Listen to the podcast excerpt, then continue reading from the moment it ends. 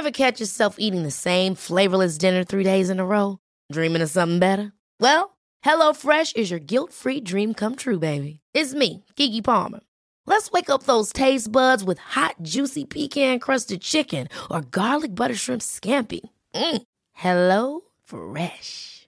Stop dreaming of all the delicious possibilities and dig in at HelloFresh.com. Let's get this dinner party started. Even when we're on a budget, we still deserve nice things. Quince is a place to scoop up stunning high-end goods for 50 to 80% less than similar brands. They have buttery soft cashmere sweaters starting at $50, luxurious Italian leather bags, and so much more. Plus, Quince only works with factories that use safe, ethical, and responsible manufacturing.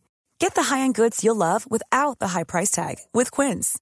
Go to quince.com slash style for free shipping and 365-day returns. I'm Sandra, and I'm just the professional your small business was looking for. But you didn't hire me because you didn't use LinkedIn jobs. LinkedIn has professionals you can't find anywhere else, including those who aren't actively looking for a new job but might be open to the perfect role, like me. In a given month, over 70% of LinkedIn users don't visit other leading job sites. So if you're not looking on LinkedIn, you'll miss out on great candidates like Sandra. Start hiring professionals like a professional. Post your free job on linkedin.com/achieve today. Det här med aktivitetsbaserade kontor, hur går det egentligen?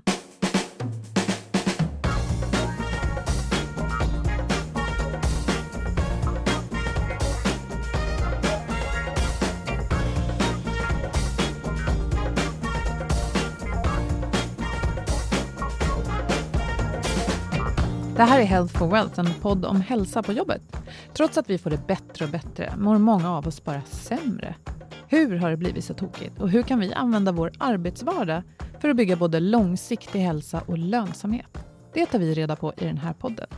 Vi är Ann-Sofie Forsmark. Jag driver företaget Formstark Resiliens. och Boel Stier, copywriter. Lyssna på oss för nya insikter varje vecka för dig som är chef, HR, ledare eller medarbetare.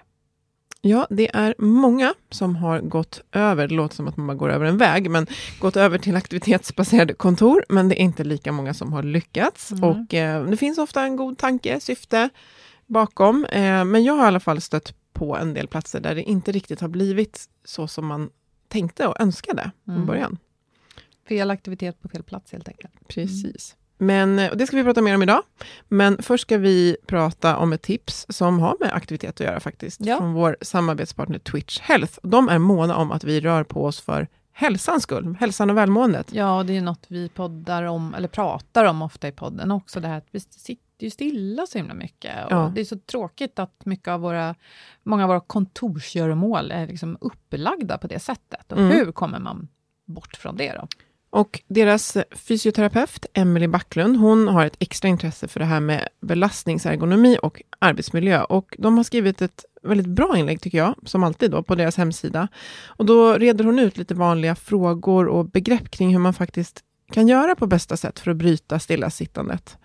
Eh, och för det första så tycker hon att varje halvtimme, eller tycker hon, hon baserar det på, på forskning, Mm. varje halvtimme. Så Mm. bör man bryta stillasittandet om man har ett sittande jobb då? Mm. Och att... Alltså, det är ehm, ofta. Ja, det är ofta, men om vi säger så här, men säg varje timme då, Ja, om man känner visst, att det men- känns utopiskt. Ja. Ja. Och att det inte bara räcker att kanske då resa på sig, utan gärna få känna en liten pulsökning.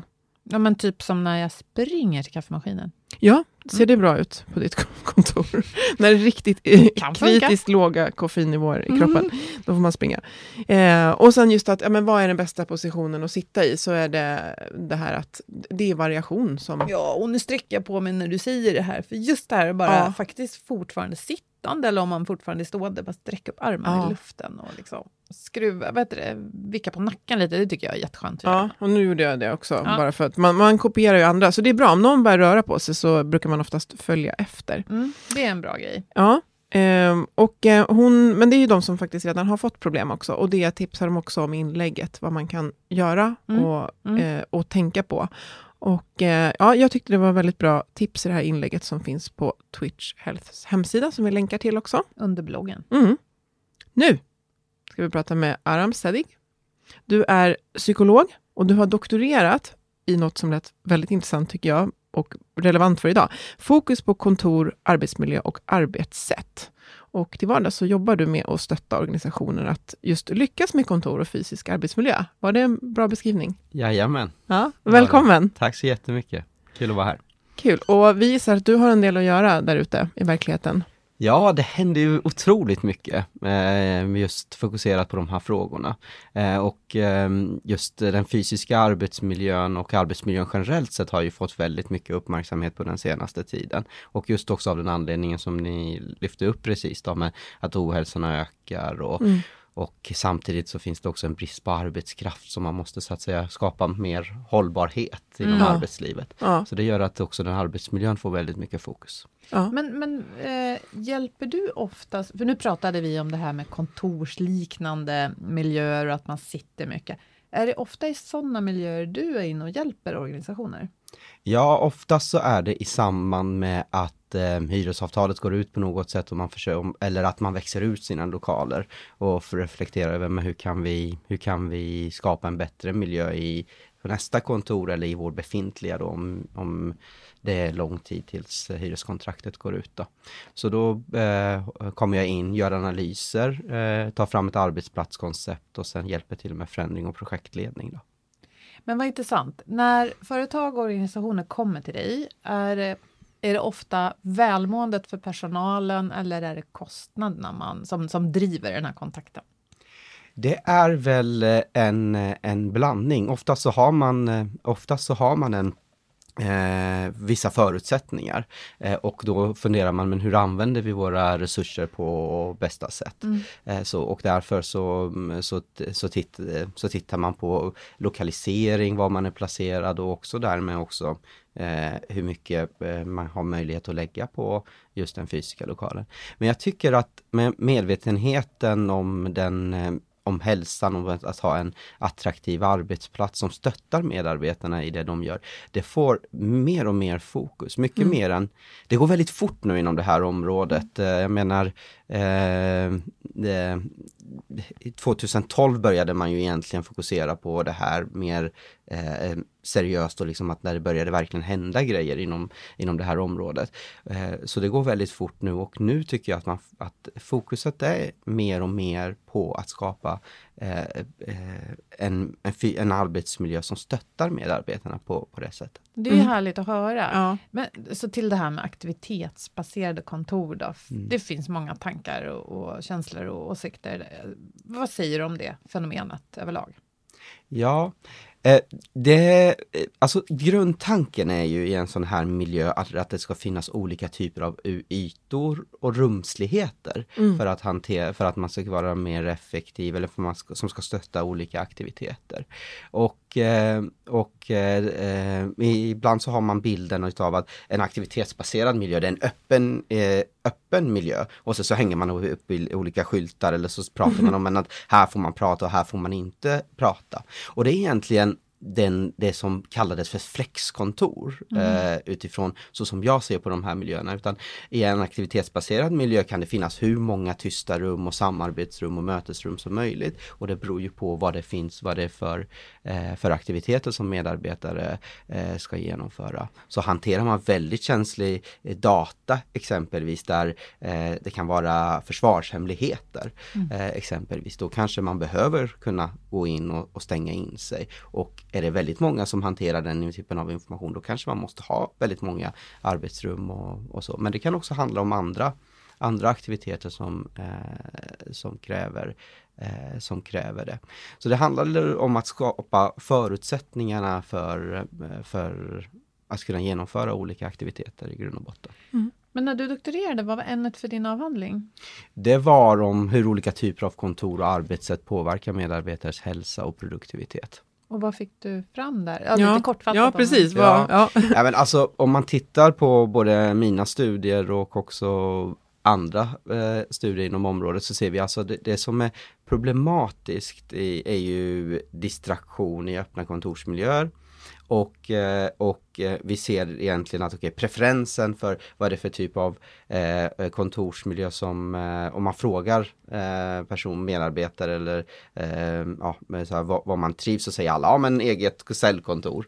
Eh, och, och, och där får man oftast bäst rating och upp, eh, liksom skattningar liksom på hälsa och frånvaro av eh, distraktion och så där vidare. Och, eh, och sen får man på andra sidan skalan då så hittar man öppna kontorslandskap och problemen är ju ofta störst när man behöver hänge sig åt aktiviteter som kräver mycket koncentration och fokus. Problemen i öppna kontorslandskap är mindre när man, när man behöver samarbeta och interagera mer. Men någonstans däremellan finns de mer flexibla miljöerna. Mm. Men det finns eh, ett, eh, men det är först nu egentligen som det börjar komma mer och mer studier inom, inom det här området med just mm. aktivitetsbaserade kontorsmiljöer. Och tidigare har det varit väldigt mycket det som jag har pratat om som flexkontor. Liksom. Mm. Det är ganska Eh, ja, det är massor, det är framförallt skrivbord och sen så hänger man upp olika skyltar och säger ja, men, som ska stött, som ska liksom ja, för olika aktiviteter. Om, om man tänker på de här studierna som, som kommer nu, det, eh, finns det någon som du skulle vilja så lyfta fram, en så intressant eh, som man har hittat i någon av de här studierna som, som känns relevant för det vi pratar om idag? Alltså jag tyckte det var intressant det du pratade om, att just den bilden utav att, eller eh, alltså det som vi, som kommer upp i studierna, nämligen eh, att eh, det är fint, även om så här, tanken makes sense, liksom, mm, ja, men, mm. eh, ja men ska du sitta och koncentrera dig, då ska du inte sitta i ett öppet kontorslandskap Nej. där folk går omkring mm. eller där någon pratar i telefon. Det är självklart, man behöver inte vara doktor i, doktor i psykologi för att förstå att ja, men, om det är någon som pratar så ökar din chans att du blir störd och om någon får komma och interagera med dig så ökar risken att du blir störd. Men eh, så, så om man då har olika typer av ytor till olika aktiviteter, väl, ja men det är väl, det, det är väl, för, det är liksom, it makes sense att, mm. att det kan vara bra. Mm. Men jag tror att, och det ser vi också i studien, det finns en par parametrar som gör att de här, eh, de här eh, kontoren och arbetsplatserna kanske inte, inte får så bra resultat om mm. man också tittar på studierna och, eh, och sådär. Och, och slutsatsen är väl egentligen att Oftast så kan de vara underdimensionerat. Mm. Man pratar om, eh, om att skapa en bra arbetsmiljö men egentligen så kanske man har gått in lite för hårt för att skära ner på yta. Mm. Och vilket gör att, eh, att man inte lyckats skapa de olika, de olika arbetsplatserna i rätt dimension. Det kan också vara ett resultat utav att man inte gjort en ordentlig analys. Man har inte gått ut i verksamheten, man har inte förstått vad är det som medarbetarna, vad är det för aktiviteter som de behöver genomföra för att genomföra sina arbetsuppgifter och underdimensionera någon typ av yta. Mm. Det kan vara med eh, tysta rum, det kan vara arbets, eh, det kan vara samtalsrum, det kan vara eh, skrivbord i de öppna miljöerna. Eh, ja, mm. det kan vara Det blir trånga sektorer helt enkelt. Då. Ja, ja, ja. och sen, eh, jag, jag tänker också att vi, eh, vi är människor, vilket mm. är utmanande. och det handlar ju också om beteendeförändringar, att jag, jag, jag, mm. alltså mitt beteende kan ju påverkas av att jag säger att ja, men här finns det ju bara tysta rum, då mm. kanske jag lättare blir tyst. Men jag tänker att det ska ju till beteendeförändringar också. Mm. Hur, ja, vad händer, hur funkar det? För det kräver ju en annan typ av implementering än att bara flytta skrivbord. Så. Det gör det, och, men det finns ett, ett problem i det här som jag känner som branschen har att hantera. Och, och det är liksom att till början så var det här en, en fysisk flytt projekt. Eh, sådär. Det blev möblering, fokus på möblering och så ganska snabbt förstod jag men, men vi kan inte eh, flytta om, omkring om vi inte är mobila. Och då börjar man titta, tänka på tekniken och sådär, så men hur underlättar vi då liksom mobiliteten? Eh, och sen så märkte man, nej men nej, det gick ändå inte. Mm. Eh, lite så. Och sen så började, ja men nu handlar det om beteendeförändring. Eh, så. Och, eh, och det stämmer att det handlar om att ändra beteendet. Men jag menar, en väldigt viktig aspekt för att förändra beteende, det är att se till att förutsättningarna finns där från början. Mm, mm. Och om inte förutsättningarna finns där, så spelar det ingen roll hur mycket vi tjatar inom citattecken, mm. hur mycket vi jobbar med eh, beteendeförändringar. Vi kan jobba oss gråhåriga med det. Det mm. kommer inte ske någonting. Har du något konkret exempel på en önskad beteendeförändring som inte hände för att just förutsättningarna saknades. Men ett, ett tydligt exempel är ju eh, ett av de här faktorerna som vi pratat om med underdimensioneringen. Då. Och jag menar, det gör ju att eh, eh, när, när vi människor upplever att det är brist på någonting så börjar vi hamstra. Och vi hamstrar på skrivbord i sådana miljöer när, när man tror att det inte finns. Där man tänker att det inte finns tillräckligt. Och då börjar med, människor komma tidigare, man får inte till den här rörligheten och Eh, då faller, då faller hela konceptet. Lite som bostadsmarknaden, man håller i sin lägenhet fast man inte behöver den. Nej, men så du menar att om det finns då eh, ett antal skrivbordsplatser men inte tillräckligt många för alla, om alla skulle komma exakt samtidigt, då börjar folk komma tidigare så att de ska norpa sitt skrivbord fast de kanske egentligen är på möte större delen av dagen. Är det så? Ja, alltså man behöver, eh, dimensioneringen handlar inte, eh, handlar, man behöver inte ha ett till ett eh, förhållanden. Men, men man behöver se till att, eh, att när medarbetarna kommer, att man kan hantera topparna. Mm, eh, så på något sätt. Och det kan man göra på många olika sätt. Eh, så, men, de, men dimensioneringen måste sitta. Så, och sen en annan aspekt utav det och det som också vi ser i, i forskningen, det är just det här med mobiliteten. Att det ska vara, att det ska gå, det ska gå relativt fort att förflytta sig mellan olika ytor. Mm. Eh, och eh, jag brukar, det kan ibland så är det provocerande har jag märkt, men, men jag brukar prata om 30 sekunders regeln. Mm. Mm. mm. Det är ungefär den tiden som det ska ta för att liksom kunna för att förflytta sig från ett ställe och, och koppla upp sig på ett annat.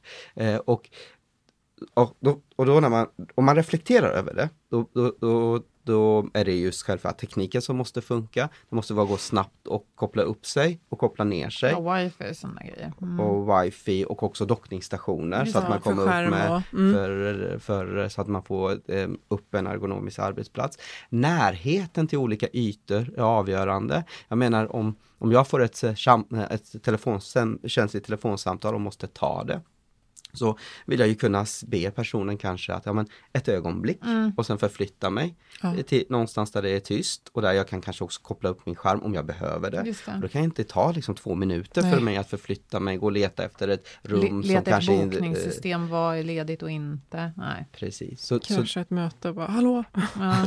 måste prata. Ja, ja jag ja. förstår. Ja, det där är inte, för det, man är ju lite bekväm också. Ja, men nu, nu är jag ju här och har kopplat upp mig och kaffet står här och så ska man, alltså jag bara tänker just att det är mycket ofta man ska plocka med sig, man kanske har liksom en väska, en dator, en telefon, en kaffekopp, en mm. vattenflaska, anteckningsblock. Det, det, mm. ja, jag kan förstå att det blir eh, resistens, att man vill vara kvar mm. så mm. i det.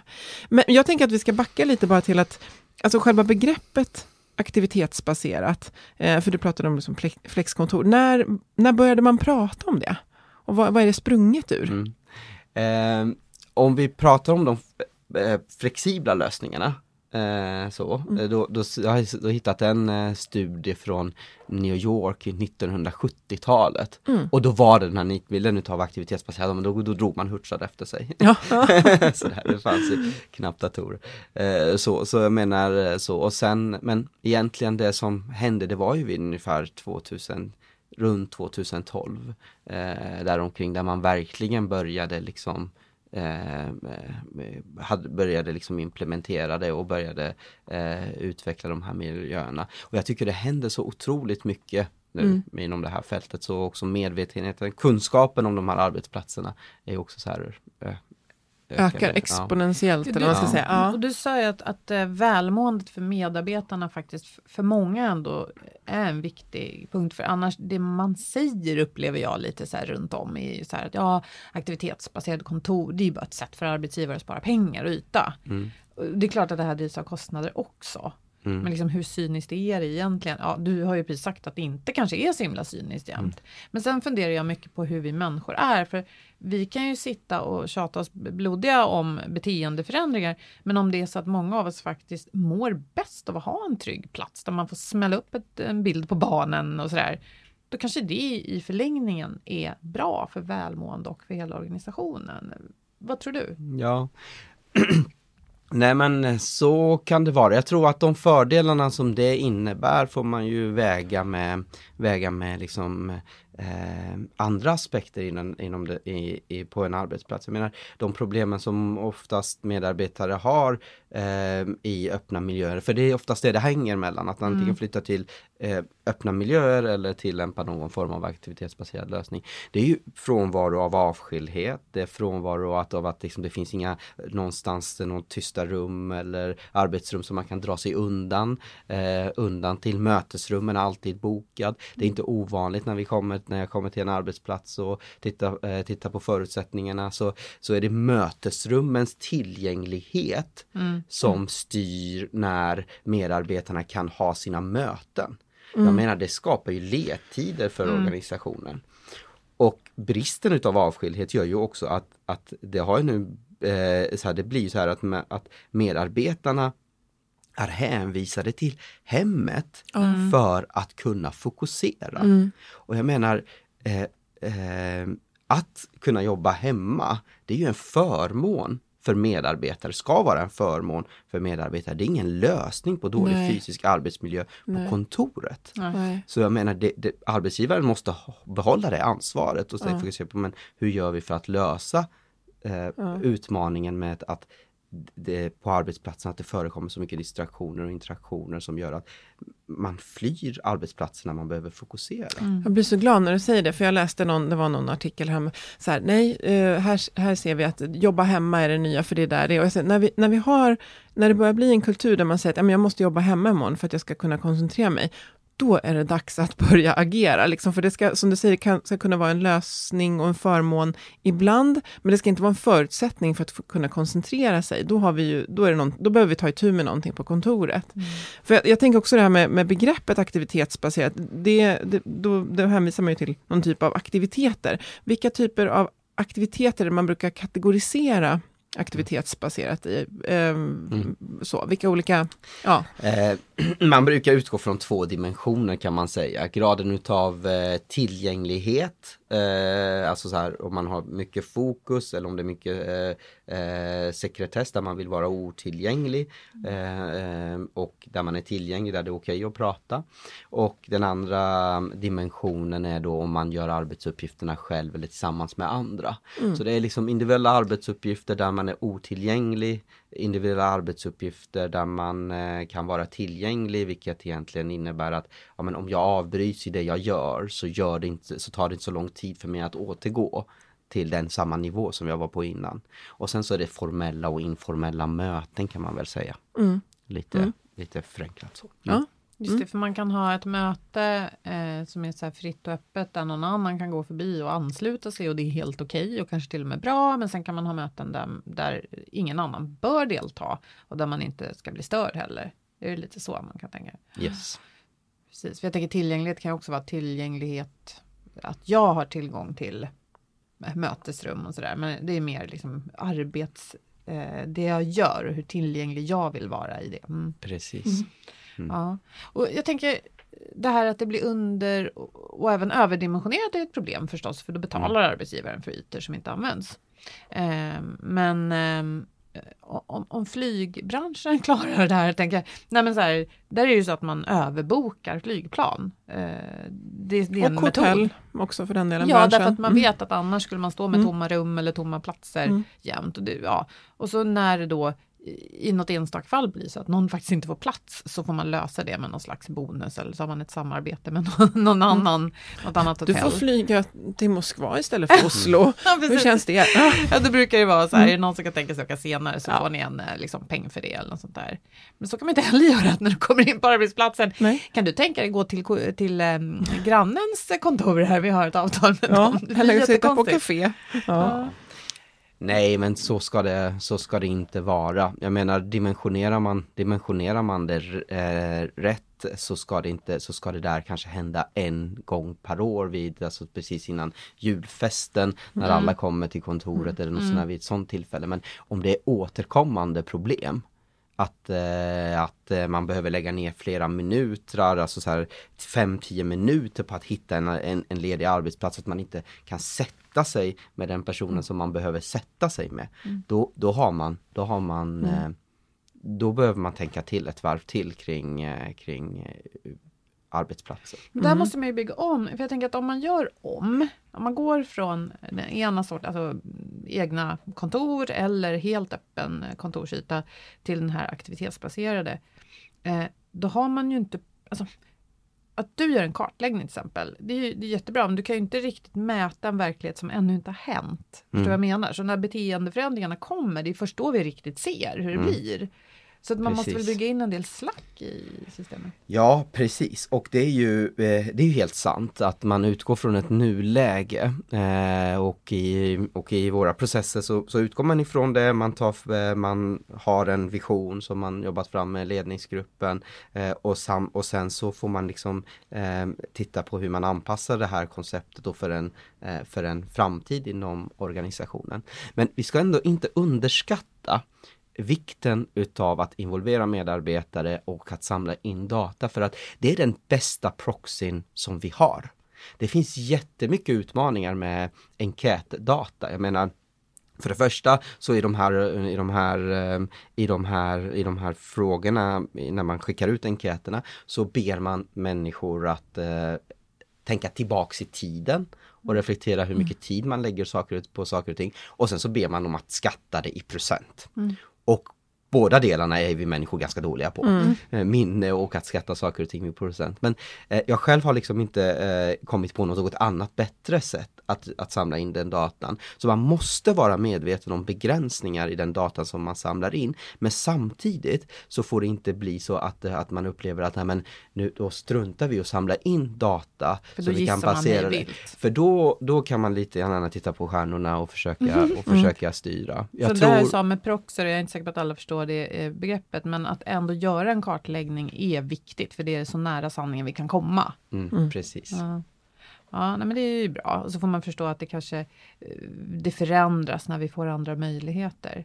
Men eh, ja, vad ska vi... Vill gärna lyfta, jag tänker några, eftersom du är ute och jobbar med det här och ser där det, där det funkar bra, eh, saker som har varit på plats då. Nu har vi pratat om att en, en kartläggning är gjord. Eh, men finns det andra faktorer som du ser är viktiga just för att eh, det här ska funka bra? Eh, så. Dimensioneringen, jag återkommer till det där. Men alltså, och, och, det, och det är min absoluta erfarenhet, det var det som, alltså eh, man skiftade fokus för, på beteendeförändringen men så, så, eh, men så, eh, men sen så glömde man lite att, men, att skapa förutsättningar kan jag ibland tycka. Liksom. Att man, pratar, man fokuserar så mycket på det och pratar så mycket på det. Så det handlar nästan på medarbetarna nu. Att, ja, men vi ska vi har en fysisk miljö och sen så är det färdigt, nu handlar det om beteendeförändring. Så Så är det inte. man så här, ni förändringsobenägna och dumma. Ja, precis. Och jag tror att man måste ta tillbaka bollen när man ser att nå- någonting inte händer. Jag menar, om man har gjort en bra kartläggning och presenterar en planritning, då ska man redan där känna att man får med sig kanske majoriteten med, av, av, av eh, verksamheten för att man, man tittar på det och känner okej men det här kan funka. När man har väl flyttat in, då ska den absolut majoriteten vara med på tåget. För annars så kanske man har gjort någonting fel, eller någonting som, någonting som man inte har lyckats eh, eh, eh, knäcka. Och jag menar, det tar, inte, det tar inte ett halvår, nio månader, ett år i de här sammanhangen att förändra beteenden. Tänk på er första smartphone. Hur många timmar la ni ner på att läsa brukaranvisningarna? Noll. Noll. Man bara testade. Ja. Man bara kom igång, Ja, eller ja, hur? Och det är lite så här det här måste eh, funka Ah, också. bra Det finns, ett. Mm. det finns ett, det finns ett eh, begrepp inom psykologin som kallas eh, nudging. Mm, Det handlar om att, gör, att göra det som eh, är rätt, att det ska vara lätt. Lätt att göra rätt. Vad kul, jag hade nämligen tänkt ja. så här, undrar om vi kan komma in på nudging här, för det blir ju verkligen, eh, ja, mm. ja men vad spännande, så lätt att göra, precis, att det ska vara, eh, det ska vara tydligt, tänker jag, att eh, så här, jag ska förstå att om jag behöver en eh, tyst stund, så vet jag, det ska vara enkelt att ta sig till det, det ska också vara tydligt, och, ja, så. Eh, men, men det är lite spännande om vi kan hoppa på nudging då. Eh, hur, hur kan man eh, tänka, eller jobba med nudging utifrån aktivitetsbaserade kontor? Har du några bra exempel där? Eh, närheten Mm. eh, till, olika, till olika ytor tycker jag är avgörande. Att man, att man ställer om processerna så att man inte, där det går, att man liksom skapar en eh, attraktiv eh, miljö att kunna, istället för att hantera papper, att det kanske finns en annan dimension, en, en padda eller liksom så att så man kan liksom få hantera information på ett annat sätt. Eh, uppkopplings, alltså eh, att snabbt kunna koppla upp sig och komma igång Mm. är, är sådana saker. Det är saker som jag återkommer till men det är Ja. helt avgörande. Minska trösklarna för den här Minst, förflyttningen. precis. Att, att kunna ha aktiviteten jag ska utföra i fokus och inte känna att ja, men det är lättare att stanna i den här miljön, utan det ska vara lä- lätt att... Eh, ja, jag, jag tänkte, fick på en bild av just det här när man bokar möten, att så tänk om det var liksom färgkodat, vilken typ av möte är det jag ska ha? Är det ett grönt eller ett orange eller ett gult? Där är kanske bara, vi måste låsa in oss i ett rum och stänga, att det ska lätt att göra rätt. Mm. Precis, så att Mm. här behöver man ju tänka till eh, Mm. i, i alla led. Jag kan tänka Mm. mig lite som, nu kommer jag till, till flyg och resbranschen, jag vet inte varför, men där är ju ändå någon typ av omställning att man gör mer själv, precis som i många andra branscher, som, Mm. är, som på snabbköpet också, självskanning och sådär. Eh, och där finns det ju alltid, ja, hyfsat alltid personal vid den här då, självincheckningen. För att man kan inte alltid göra det själv, man dyker på problem. Så jag tänker att man kanske behöver bemanna så lite olika stationer där, folk kan, där det finns folk som hjälper till första halvåret i alla fall. Mm. Jag tycker faktiskt att det är en slående liknelse för att det är precis som du säger, för att där släpper man inte eh, eh, resenärerna bara för att möjligheten finns. Nej. För man förstår att men, syftet är inte att möjligheten finns. Nej. Syftet är att folk ska faktiskt använda de här systemen så att man slipper köerna. Mm, just Och, och då kan man behöva en annan form av stöd där. Så det är ganska, och, det, så, och så är det på arbetsplatserna också. Man, får, man ska inte, man ska inte, det är inget att checka av. Alltså, eller det man checkar av ska inte vara att jo men nu finns det två skärmar där i arbetsrummet. Så, sådär. Utan man ska, man ska följa upp, men används de? Ja. Görs de inte Mm. Varför då? Ja. Så, ibland så är de här rummen, arbetsrummen, antingen så kan de vara så små så att man känner att man är i en, alltså verkligen cell, liksom, alla undviker det. Mm. Eller så är ljudmiljön dålig, det finns ingen täckning, det finns ingen Luft. eh, eh, luft Ja. det finns ingen el, alltså. Och ja men det är klart att man inte använder det. Mm. De här rummen ska ju användas hela tiden. De ska användas 90% utav tiden. Ja. Är det så. något felbyggt. Ja precis, för att de, eh, ja. Ja. Sådär. Ja, nej, men, mm. Men lite så här lyckade exempel då, kan inte du berätta när, när företag och organisationer har lyckats och vad, vad nycklarna till det har varit? Mm. Förutom Mm. det här, för du började med nudging precis, och så Ja. fler, f- fler saker. Bra kartläggning, nudging. Bra Ja. kartläggning, nudging, eh, eh, diversifierad miljö i tillräckligt stor utsträckning, mobiliteten, Mm. Att, att, det, att det går fort att, att ställa om. Och sen så får man också vara lyhörd i att om man känner att man, att för vissa personer eller funktioner, att, eh, att man inte löser det här med flexibiliteten och mobiliteten på ett bra sätt. Ja men då får man också faktiskt vara beredd att kanske att göra ett undantag, att, att se att, att, eh, att för att skapa en bra arbetsmiljö för dem också. För det handlar det här är arbetsplatskoncept och arbetsplatsutveckling är en service till medarbetarna. Det ska fungera när man väl kommer till arbetsplatsen. Det ska vara fungera för att det är ju liksom, det är, organisationen ska fortsätta vara, ska bli mer effektiv och medarbetarna behöver också få rätt förutsättningarna för det. Så då, och då behöver man inte ta, så att säga, då handlar det inte om att, eh, om att eh, ta varenda sån här fråga, alltså det, man måste kunna lösa utmaningar som medarbetarna står inför. Och kan man inte göra det med en flexibel lösning, då får man reflektera en gång till Ja. kring det där. Mm. Mm. Så det gäller att vara flexibel också inom ramen för det. Och jag tänker att det kommer ju så rättvisa in. Det är ju, det är ju sånt som är jätteviktigt. Och det kan bidra till ohälsa också om man upplever att en arbetsplats inte är rättvis. Så jag tänker att om alla egentligen i hemlighet drömmer om ett eget kontor och så är det några som får det. Mm, ja, det kan väl vara ett problem om det. Mm.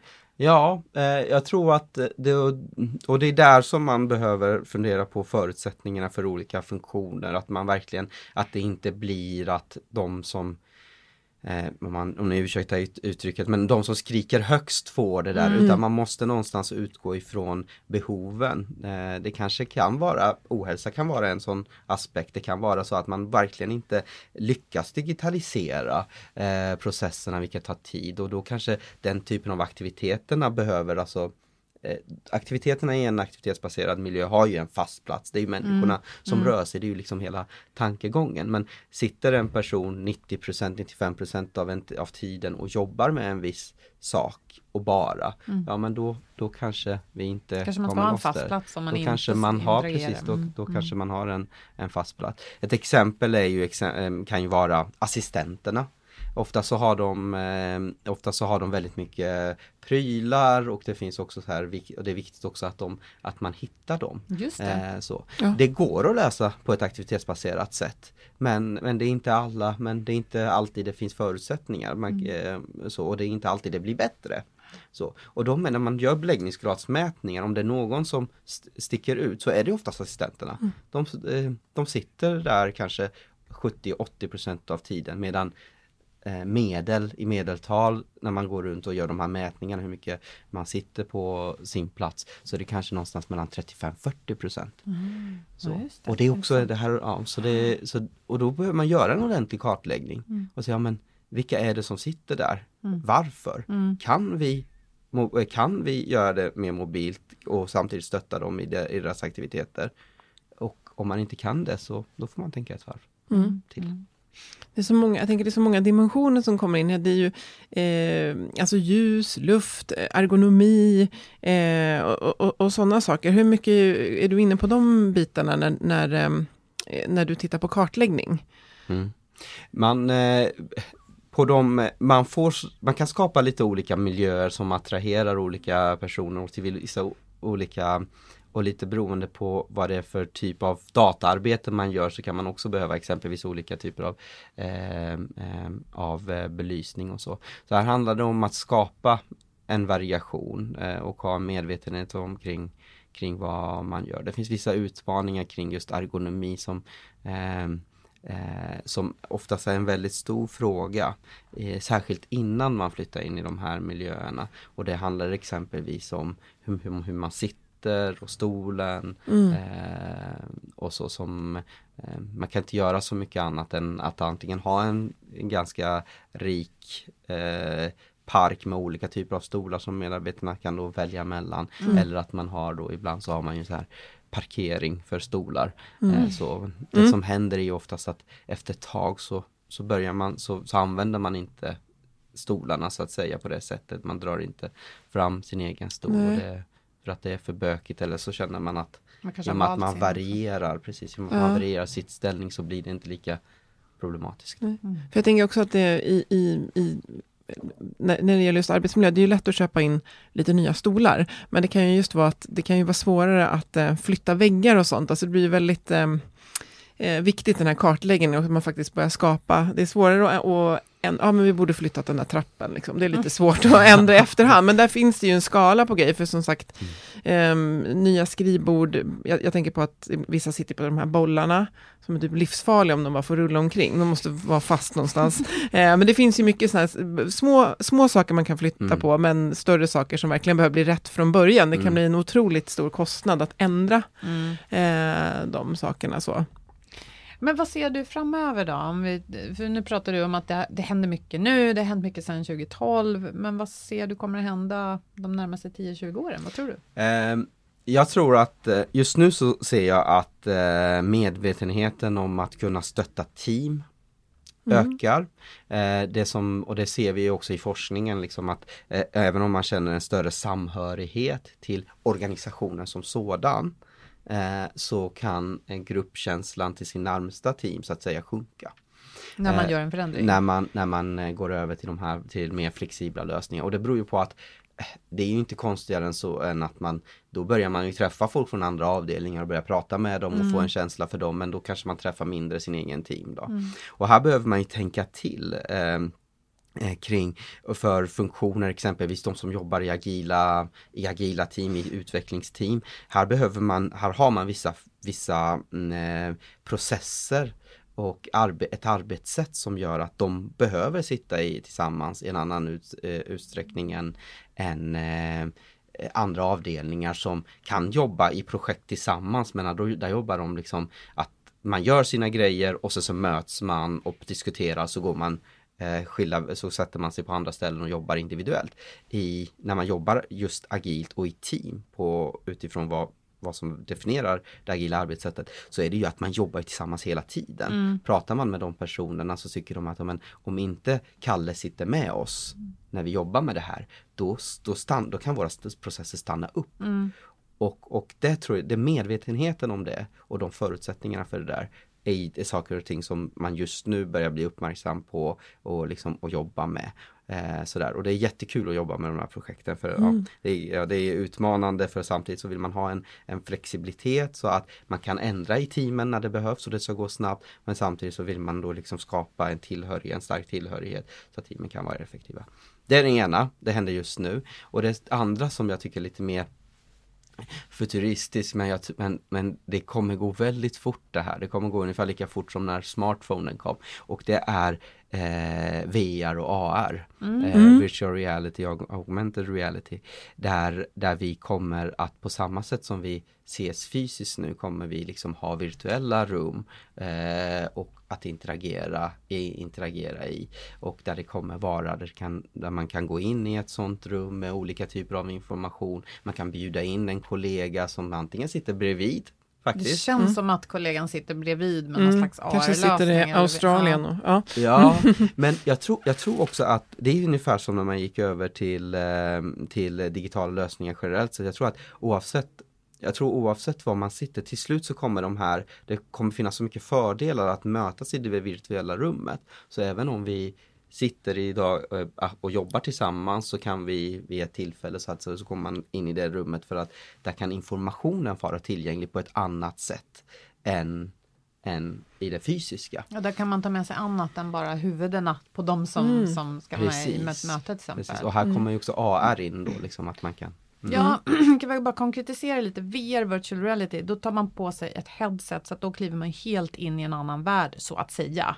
Det känns så i alla fall. AR är ju mer, jag brukar tänka på Snapchat för er som känner till det, att man lägger liksom ett lager av något digitalt ovanpå verkligheten. Kaninöron men till exempel. och nos.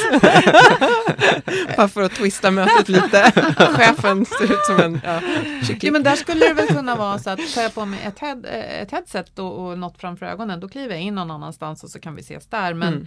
men AR, då skulle det kunna vara som, jag menar nu sitter vi runt ett bord mm. på varsin stol, men då skulle det kunna vara så att vi egentligen är på varsitt ställe, men det finns liksom en representation av er i mitt rum och mm. likadant för er, eller hur? Mm, ja. Mm. Förstärkt. Det är superspännande. Ja, ja, det är jätte... Och då skulle, mm. Jag tänker också till skillnad från de då mer vanliga Skype-samtalen, det finns ju massa verktyg nu, eh, där man liksom ser en platt bild av de andra, mm. så blir det ju mer tredimensionellt och mm. kanske bättre ögonkontakt och ja. gesterna upplevs annorlunda. Så.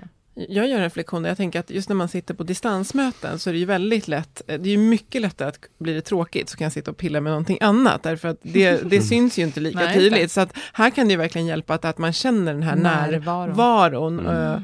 Och, och att vi verkligen så här går det inte att smita undan under Nej. det här mötet. För att jag Lägg syns, ner telefonen nu. Ja, precis. Jag syns i så här, tredimensionellt vad jag gör. Liksom. Ja, ja, men det är, jätte, det är jättespännande och eh, det, tack för att du jobbar med det här, för det är så viktigt. Du behövs.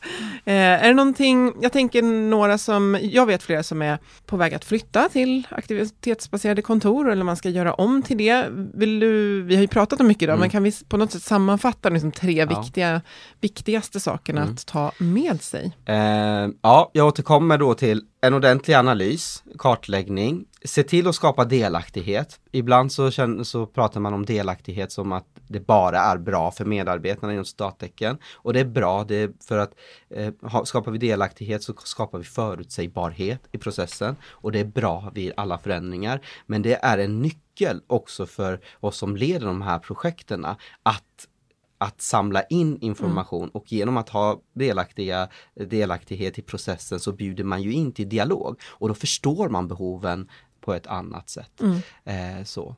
Eh, så det är två och det tredje är just att men titta på det, jag tycker så här 30 sekunders regeln är ganska bra för att det, för mm. att det sätter saker och ting på sin spets. Ja, verkligen. För att, ja, men, men testa, mm. testa olika lösningar. Hur lång tid tar det egentligen att förflytta sig? Mm. Eh, så, och det ska vara, ta bort de här hindren. se, kolla vad man kan reducera eh, sekunderna och, och sådär. Och för att för, försöka få, eh, få underlätta mobilitet och, och så. Mm. Och aktivitetsbaserat handlar inte om att bara skapa öppna miljöer Nej. och hänga upp olika skyltar eller liksom prata om att det är tyst här och inte tyst här. Utan det handlar också om att skapa arbetsrum som, och, och liksom ytor där för avskildhet. Mm. Vi får inte glömma avskildhetsaspekten eh, och bara prata om samarbete och Nej, eh, det distraktionsfria är någonting Ja. många söker Mm. idag och det Mm. måste vi respektera och Mm. tror jag värna. Mm. Kul. Ja, jätte, jätte, jätte, jätteintressant. Och som vanligt så vill vi så gärna höra eh, från våra lyssnare. Om bara, nej men vi har världens bästa aktivitetsbaserade kontor. Här funkar det jättebra. Eller här går det inte så bra för oss. Mm. Och det här skulle är vara jättekul att höra Ja. vad ni tänker och tycker och är med om. Mm. Tusen tack Aron för att du kom hit och Tack hjälpte Tack. oss reda ut det för att här. jag fick komma. Jättekul. Ja, superkul. Och vi, ja, som sagt, hör av er. Ja, vi ska också tacka våra samarbetspartners Twitch Health och Berggren Lahti för den här produktionen. Vi kan ju passa på att nämna då att vi finns som vanligt på healthforwealth.se, på Facebook och LinkedIn. Hör av oss och eh, ge oss gärna en recension på iTunes förresten. Mm. Det vore jättebra. Det gillar vi. Ja. Ha det Sköt om bra! er. Hej då!